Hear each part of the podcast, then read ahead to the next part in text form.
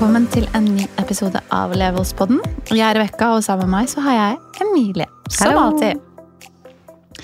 Vi har fått inn noen spørsmål, Emilie, Det og det skal vi snakke litt om i dag. Mm. Vi hadde en liten spørsmålsrunde for en tid tilbake.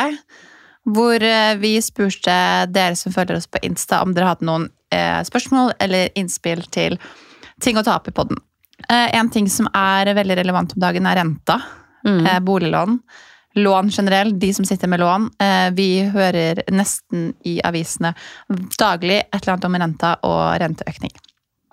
Så spørsmålet nå er Lønner det seg å leie eller eie bolig, eventuelt kjøpe bolig, nå som renta er som den er? Det er jo Altså det er jo på en måte eh, Historisk så har det jo absolutt lønt seg å eie en leilighet, eh, fordi at boligmarkedet har vært i veldig sånn eh, god vekst over lang tid. Eh, og leieprisene har jo òg eh, Altså, den eneste gangen det på en måte lønner seg å leie, er jo når du kan leie en leilighet billig, og leia i Oslo har jo skjøt i været. ja. Så nå når rentene er så høye som de er, så er det jo klart at nå er det kanskje for første gang på lenge at det har lønt seg å kanskje leie og avvente um, fra å kjøpe seg inn. Em, men sånn på en generell basis, og jeg tror liksom all rådgivning om det kommer til hvor man bør spare hen, eh, om det er en aktiva klasse som er eiendom, investeringer, enkeltaksjer Det å ha på en måte langsiktighet som mål, er at selvfølgelig når du eier din egen bolig, så betaler du jo ned og på ditt eget lån. Selvfølgelig så har man jo òg en del renter i starten, og akkurat nå så er jo renter og felleskostnader kanskje mer for folk enn det vanlig leie ville vært. Og i de tilfellene der så er det selvfølgelig billigere å leie. Ja, absolutt. Um, og så tror jeg det er noen unntak til det, og det er jo noe vi har kjent veldig mye på. Nå er styringsrenta 20. september, og så ble styringsrenta 4,25. Det er jo mye høyere enn eh, enn noe annet vi har opplevd, i hvert fall. Og så skal jo bankene selvfølgelig tjene penger på at de låner ut òg. Det er jo den renten som eh, bankene låner penger på.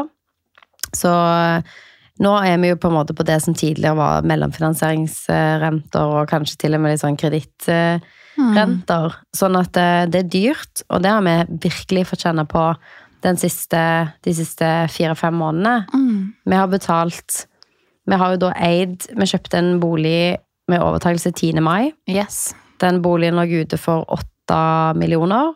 Den kjøpte vi for 7650.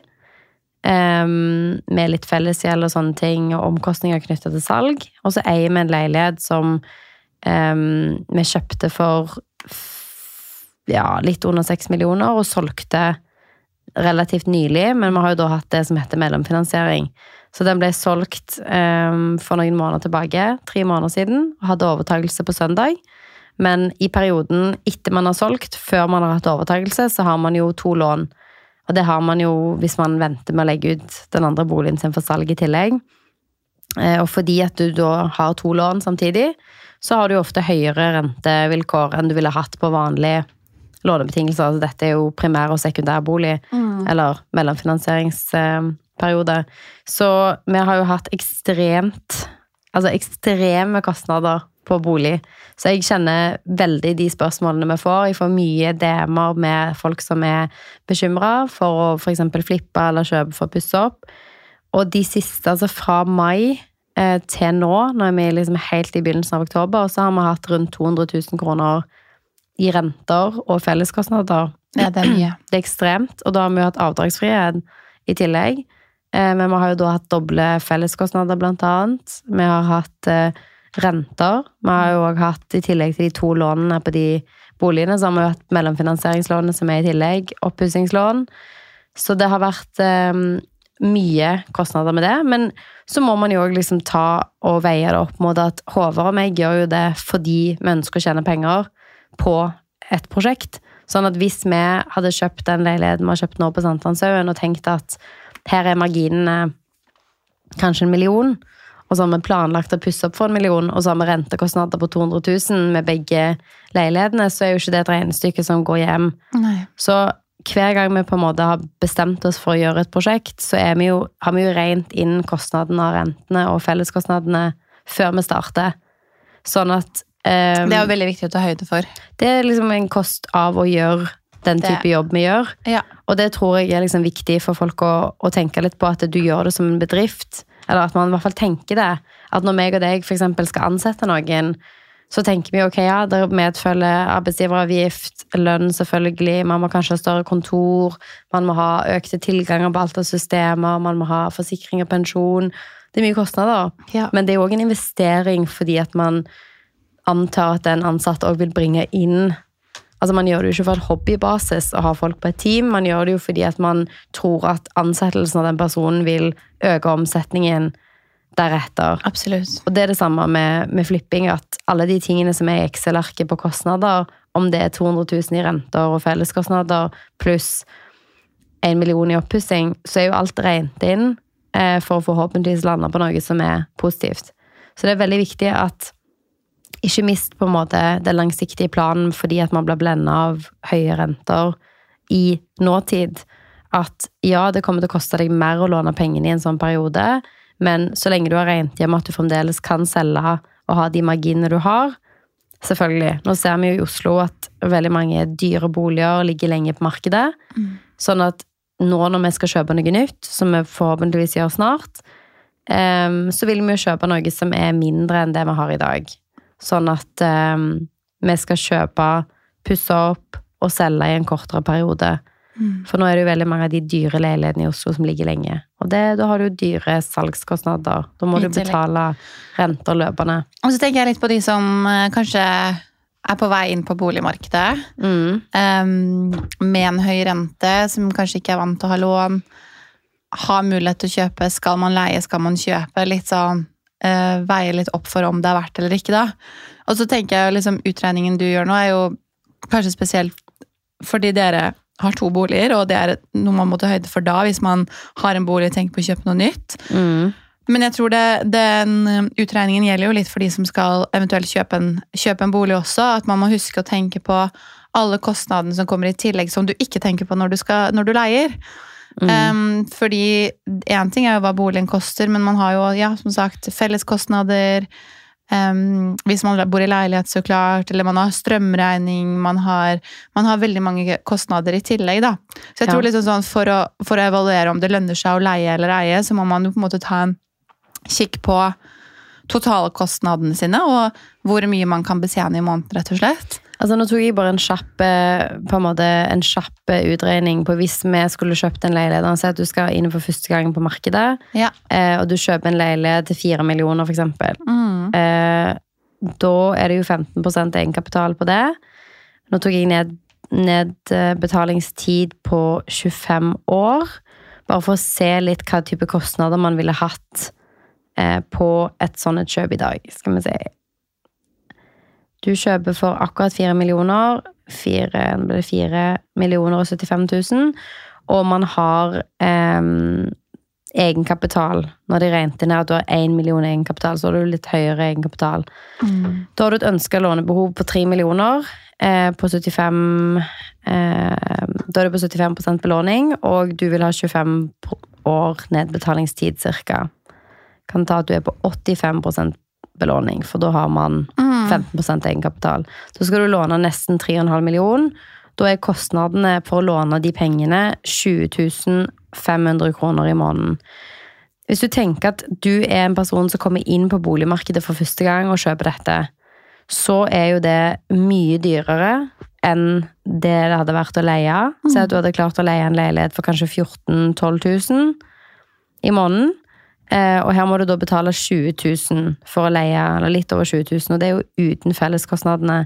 Og hvis man bryter ned hvor mye av det som er renter, kontra hvor mye av det som er nedbetaling på lånet ditt, så vil jo i denne breakdownen her, så vil 15 000 av de 20 000 være renter. Det er sånn sykt mye. Så det vil si at reelt i måneden så betaler du 5800 kroner ned på ditt eget lån, og så har du 20 500 i totale kostnader pluss felleskostnader. De fleste steder har jo mellom 3000 og 4000 kroner i felleskostnader. Så da er Mindre leiligheter kanskje fra 2000. ja, Si at du, du kjøper deg en mindre leilighet på dette, da. Så har du kanskje 2500, da har du billige felleskostnader. Da er du på nesten 23 500 i måneden, Mm. eh, hvor nesten ingenting av det går på nedbetaling av lån. Så i et sånt scenario så vil det være lurere å leie. Da kan du leie for eksempel for eh, 10 eller 12 000, og så kan du spare 12 000-13 000 i måneden istedenfor å betale det ned til deg sjøl. Og det er jo unikt, for det her er jo ikke vanlig i Oslo. Ikke det hele tatt. Det har jo vært eh, ja, styringsrenta på null, og, det har vært utlånsrenta på under to. Så dette er jo uvanlig. Um, sånn at eh, hvis du, med mindre du altså skal du kjøpe alene, så ville jeg eh, ja, gjort regnestykket, med mindre du har ekstremt mye egenkapital. Men da har du selvfølgelig andre muligheter òg. Da kan du sette pengene andre steder enn i boligmarkedet. Så um, jeg tror at jeg ville vært uh, nå, for første gang, så vil jeg nok, eh, hvis du skal inn på boligmarkedet og du har lite egenkapital, du skal kjøpe en dyr leilighet, um, hvor mye lån, altså vi snakker 85% lån, kanskje Mm. mer, så er det lurere å leie per nå. Så var det noen som eh, spurte om eh, hvordan man skal prioritere å betale ned. Skal man pause eh, studielån? Skal man prioritere boliglån? Hvor bør man sette pengene, eller bør man sette det i fond? Så det er jo liksom mange muligheter her, da. Ja, altså jeg ville alltid gått ut ifra hva ehm, rentevilkår eller mulig avkastning man har på pengene.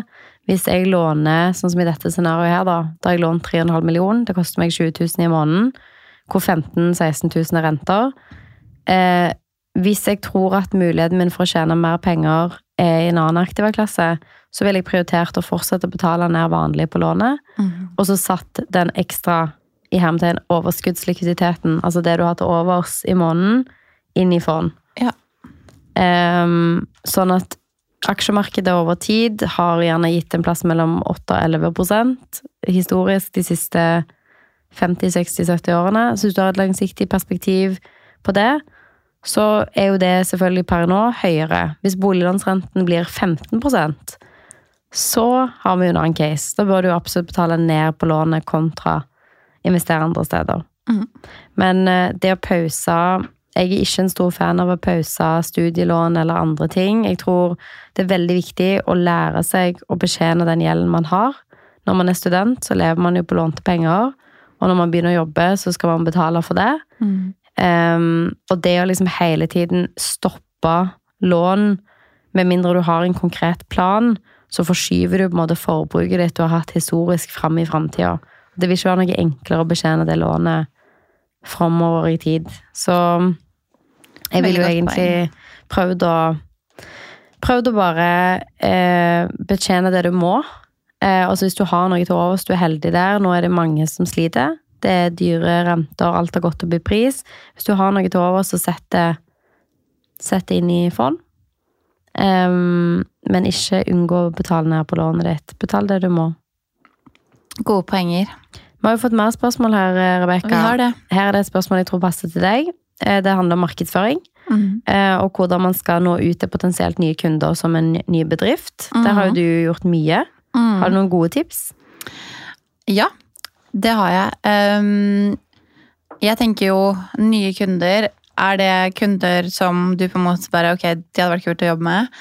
Eller eh, eller er det liksom alt? Eh, fordi hvis man er bare sånn en bedrift som trenger kunder, så må man jo tenke litt sånn Jeg tror alltid liksom på at man targeter noe litt spesifikt, da. Mm. Du At, skyter eh, ikke blindt. Nei, så for eksempel når vi startet Beckhart, det var sånn ok eh, Når du starter Beckert. Ja. Hvem Ok, hvem kan vi potensielt jobbe med? Ok, ganske mange ulike. Mm. Hvem vil vi jobbe med? Mm. Hvor tror vi det er lurt å jobbe? Det er liksom litt de spørsmålene man burde stille seg selv, da. Mm. Fordi jeg kunne sikkert gått ut og markedsført meg til et altså sånn knippe selskaper. Mm. Men så var jeg litt sånn, ok, de jeg tror kanskje vil gi meg mest jobb over tid. I vårt tilfelle så var det jo byråer som jobber med flere. Mm. Så var målet mitt da, ok, da tar jeg kontakt med ulike byråer som jobber med mange spennende kunder, som Mm. kan gi meg mer jobb enn kun den ene gangen. For det er også en, en ting at hvis du skal finne nye kunder, så er man jo opptatt av kunder som kommer tilbake igjen. Mm. Det er mye dyrere å hente nye kunder enn å opprettholde Absolutt. Og så tenker jeg sånn, prøvde å tenke litt smart med å tenke at ok, hvilke vis, Jeg visste, jo, visste hvilken bransje jeg gikk inn i, og hadde jo liksom sett for meg at ok, de her hadde vært spennende å jobbe med, og så hadde jeg kanskje lent meg på et par selskaper som jeg hadde gode forhold med.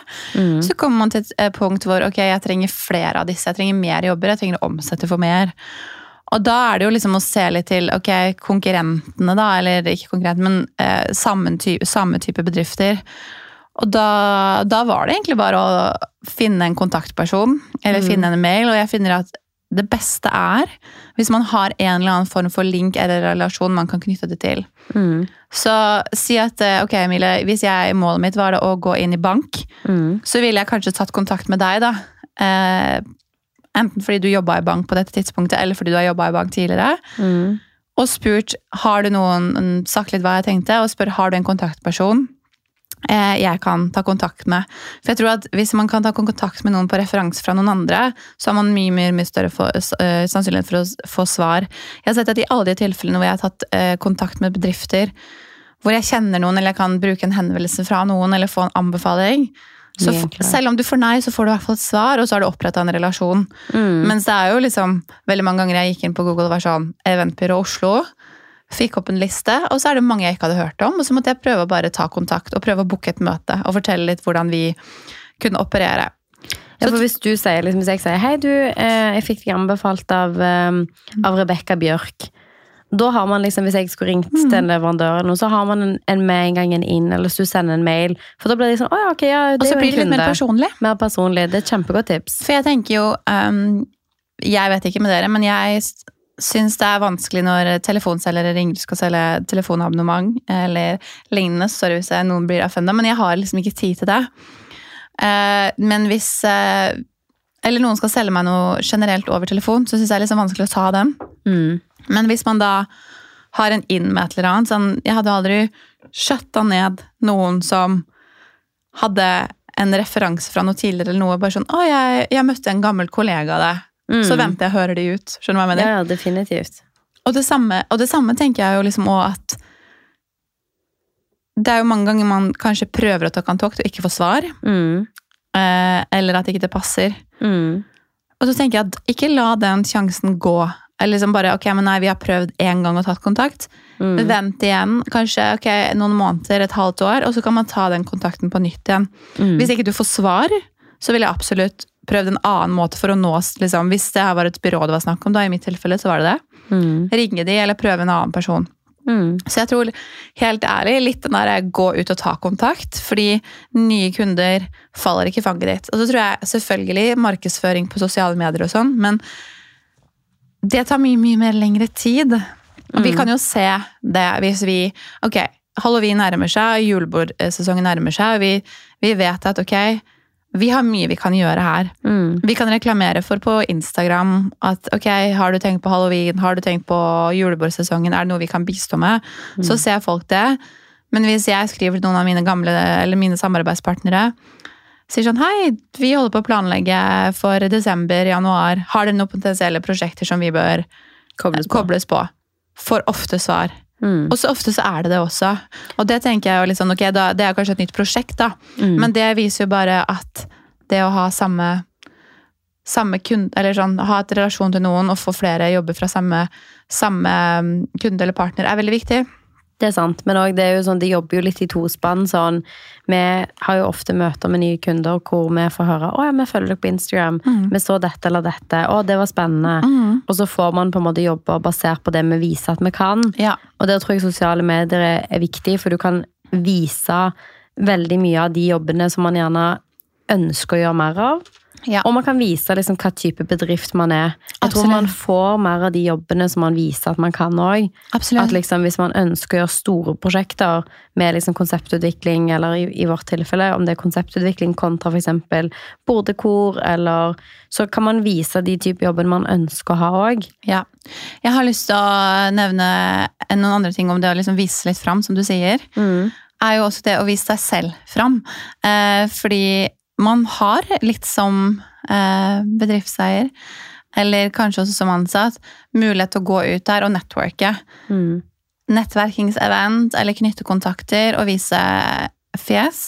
En av de som jeg vet er aller best på det her, har vært innom podden, Business Henriette. Mm. På. Kjempegod. Mm. på å eh, promotere seg selv og liksom sitt brand. Mm. Og man ser jo at-. Ja, og man ser at det høster eh, frukter, og det er jo liksom litt det samme jeg var i. Og jeg tenker at ikke tenk at det må hele tiden skje når du er på jobb. Eh, nå er man kanskje liksom gründer i blodet, sånn jeg føler at jeg alltid Det er veldig naturlig å snakke om det man gjør. Mm. Men jeg var i et bryllup i sommer hvor jeg snakka med flere folk, og vi var på møte nå i forrige uke fordi man kommer i kontakt med noen. Og det var jo noen man hadde lyst til å snakke med. Nettopp, og så var det sånn, så får man en relasjon. Og så viste det seg at de også var jo interessert i å snakke med oss og hadde sett hva vi hadde gjort tidligere. Mm. Og det er jo fordi at man er eh, Altså sånn fordi man snakker og forteller ting. Så jeg tror du må være litt kobla på. Og så må du på en måte kaste litt ut av det. Så må du snakke om det, rett og slett. Mm. Jeg føler at de fleste jobbene jeg har booka, er word of mouth. Mm. Eller via bekjente. Eller så må det være fordi man har tatt sånn cold calls eller cold emails. Mm. Um, og da spesielt hvis man har en referanse eller noe til å linke på, så er det det beste. Men det er liksom de tre tingene som jeg vil si fungerer best. Og så sosiale medier på kanskje fjerdeplass, da. Mm. Ja, men det er gode tips. Altså, Nå Mm. jobber vi med BTB. Det er jo litt annerledes Um, Det er litt annerledes enn um, enn kanskje det å jobbe med BTC. Da er Ja. kanskje sosiale medier enda viktigere. Vi har jo òg hatt, eh, ehm, hatt gründere på her som jobber BTC, eh, og som bruker sosiale medier og TikTok for å promotere sine sine produkter, eh, og da har det kanskje hatt en større på en måte, effekt enn det ville hatt hos oss, kanskje fordi at vi jobber mot bedrifter. Nettopp, og så tenker jeg liksom se litt på det de andre gjør. For jeg husker når vi starta med boligstyling, Ja. så gjorde vi research på alle andre som drev med boligstyling. Mm. Så fant vi ut ok, hvem er det vi syns er best, Mm. og så tenkte vi så skal vi bli bedre enn de. Mm. Og det tror jeg også er liksom Se på andre som gjør lignende ting. Eller Mm. prøv å ta liksom inspirasjon. Hva er det de gjør som du liker så godt? Og jeg sier ikke at man skal kopiere noen, men det er lov å hente litt inspirasjon. Eller det er lov å liksom, ok eh, Det er jo veldig mange som sier du, når du starter business, at du Du trenger ikke å finne opp hjulet på nytt. Du kan ta en idé og bare gjøre det bedre. Ja, Og det er jo liksom litt det samme når det gjelder det med å markedsføre seg selv og finne nye kunder. det er veldig sant. Se litt på de som får det til, hva er det de gjør riktig. Ja, det er et veldig godt tips. Jeg tenkte jo spesielt på um, gründeren bak Merlon Cress, Ja. som vi har hatt på podden her. At det er på en måte Hun snakket jo veldig mye om hvordan man brukte sosiale medier til å nå ut og skape det brandet som hun ønska.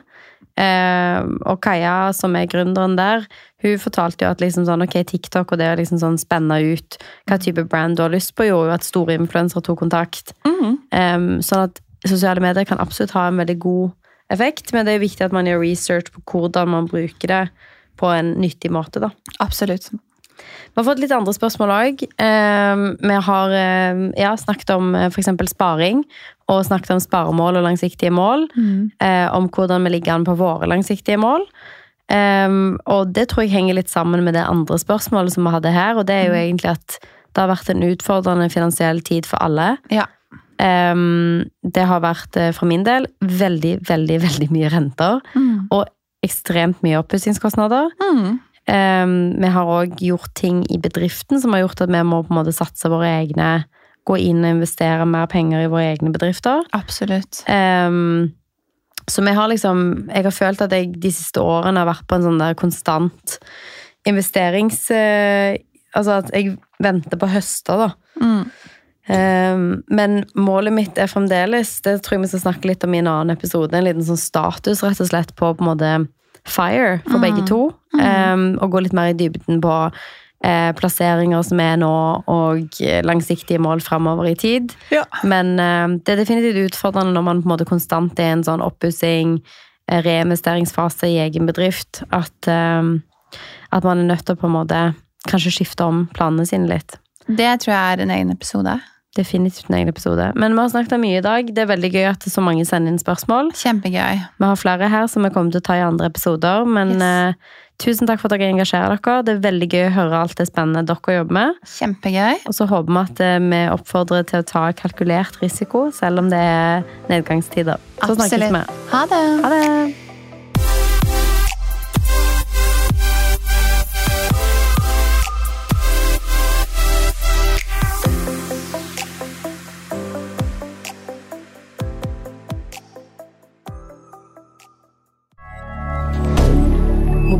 Calendar.